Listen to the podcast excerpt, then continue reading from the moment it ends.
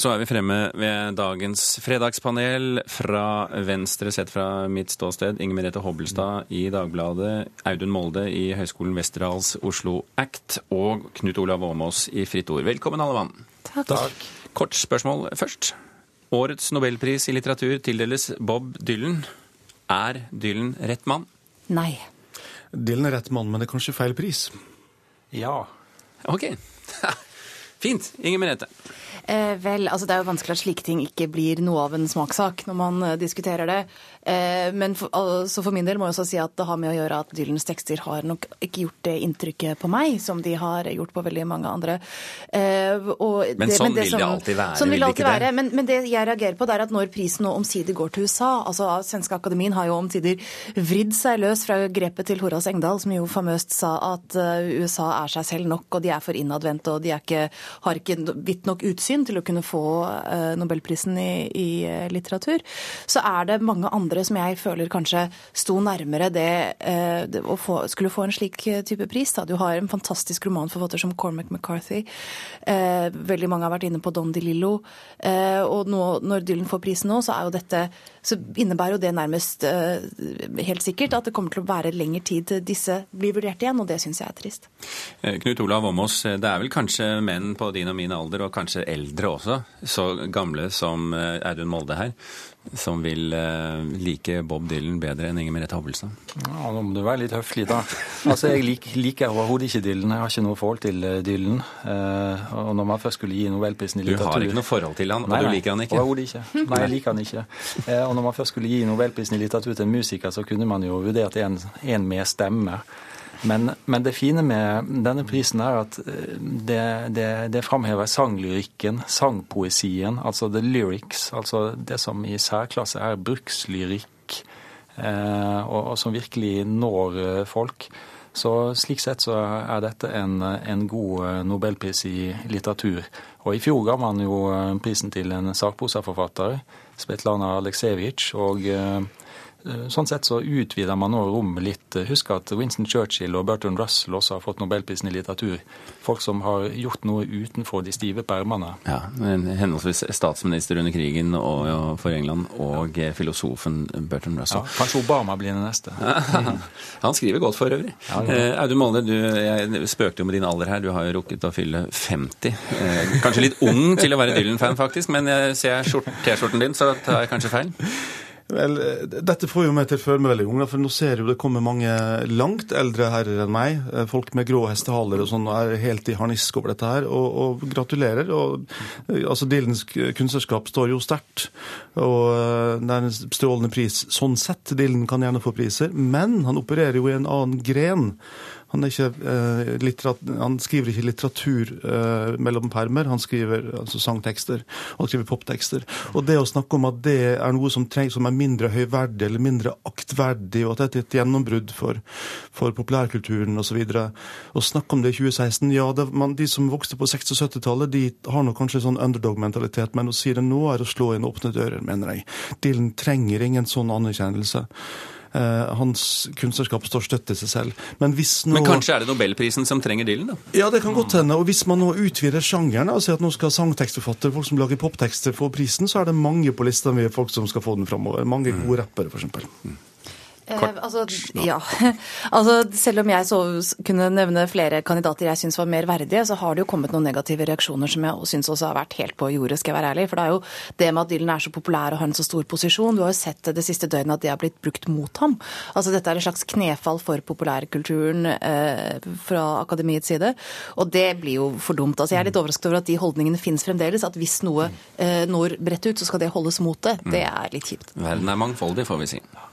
Og prisen er også blitt kalt eh, populistisk nå, men det er så mye selvhøytidelige diskusjoner om litteratur både i dette landet og, og ellers. Det, det, fine med denne prisen er at det utvider det litterære begrepet. Og, og man skal ikke undervurdere i 2016 heller at det er enda flere, treng, enda flere som trenger å oppdage hvor, hvor viktig eh, disse røttene Lyrikken oppstår jo eh, til, til spill, til lyrespill. Så, så, dette er viktig i et langt perspektiv. Og Dylan er jo også en forfatter som står dypt i amerikansk litterær tradisjon, bare så det er sagt. La oss hoppe til neste spørsmål uten å skifte tema. eh, tidligere statsminister Jens Stoltenberg forhandlet seg frem til en bedre avtale enn den såkalte normalkontrakten i bransjen. En normalkontrakt som er utformet som en solidarisk avtale forlaget og forfatter imellom.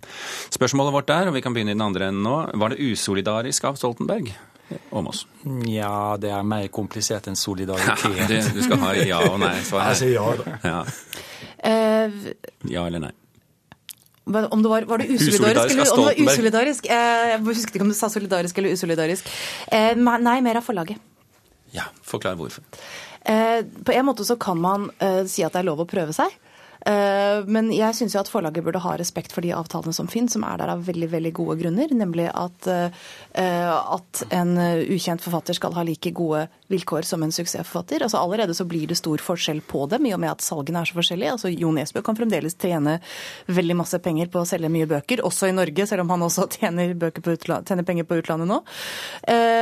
Eh, og ukjente forfattere vil ikke sant, nødvendigvis tjene mindre, men på en måte at rammeverket rundt boken de gir ut, er, er likedan. Og jeg syns ikke det burde vært brutt av denne grunn. Det er, det er, gode grunner til at den er der. Men Åmås, vi har da forhandlingsrett og avtalefrihet i landet, har vi ikke det?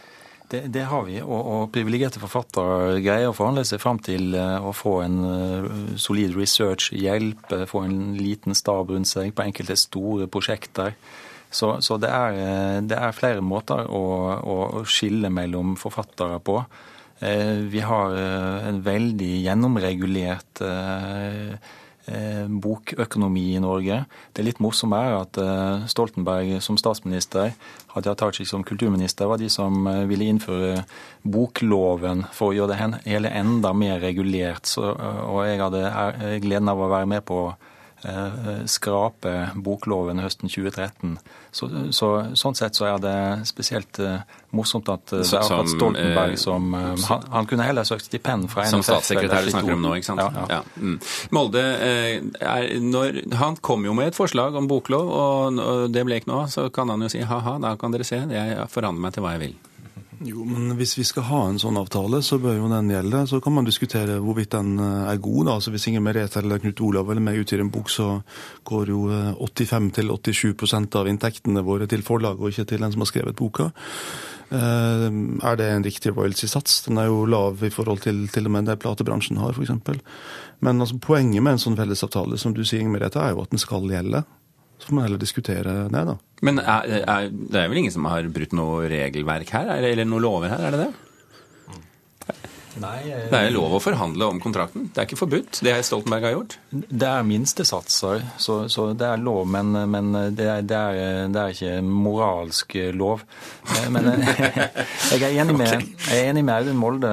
Det, det, forfatterne får ut i dag, er, er, for lavt, det er for lite. Spesielt sakprosaforfatterne. Mm. Og, og, noe av det mest provoserende i denne debatten har vært å se tidligere Aschehoug-sjef William Nygaard eh, erklære over to sider i eh, Dagens Næringsliv denne uka at, at eh, forfatterroyaltyen må ned.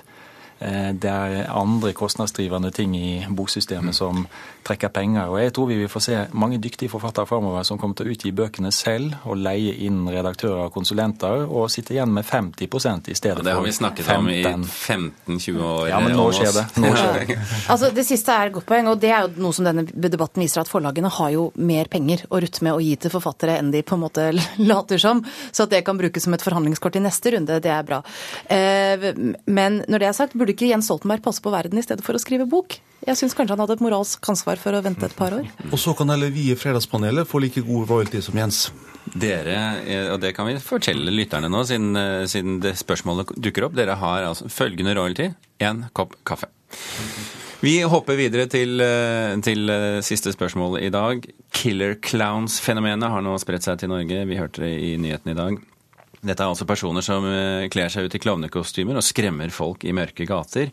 Nå er riktignok ikke frykten for klovnene eh, gammel, det har et eget navn. Det heter kolorofobi, og det er altså fobien mot fobi forbi knyttet til klovner.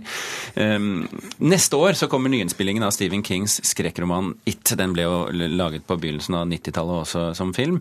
New Line Cinema, som står bak denne filmen, de nekter for at Killer Clowns-fenomenet har noe med markedsføring markedsføringen av denne filmen å gjøre. Spørsmålet er kan vi stole på det, Molde? Jeg aner ikke. Svaret nei. Her svarer jeg litt konspiratorisk nei. Ja. Ja.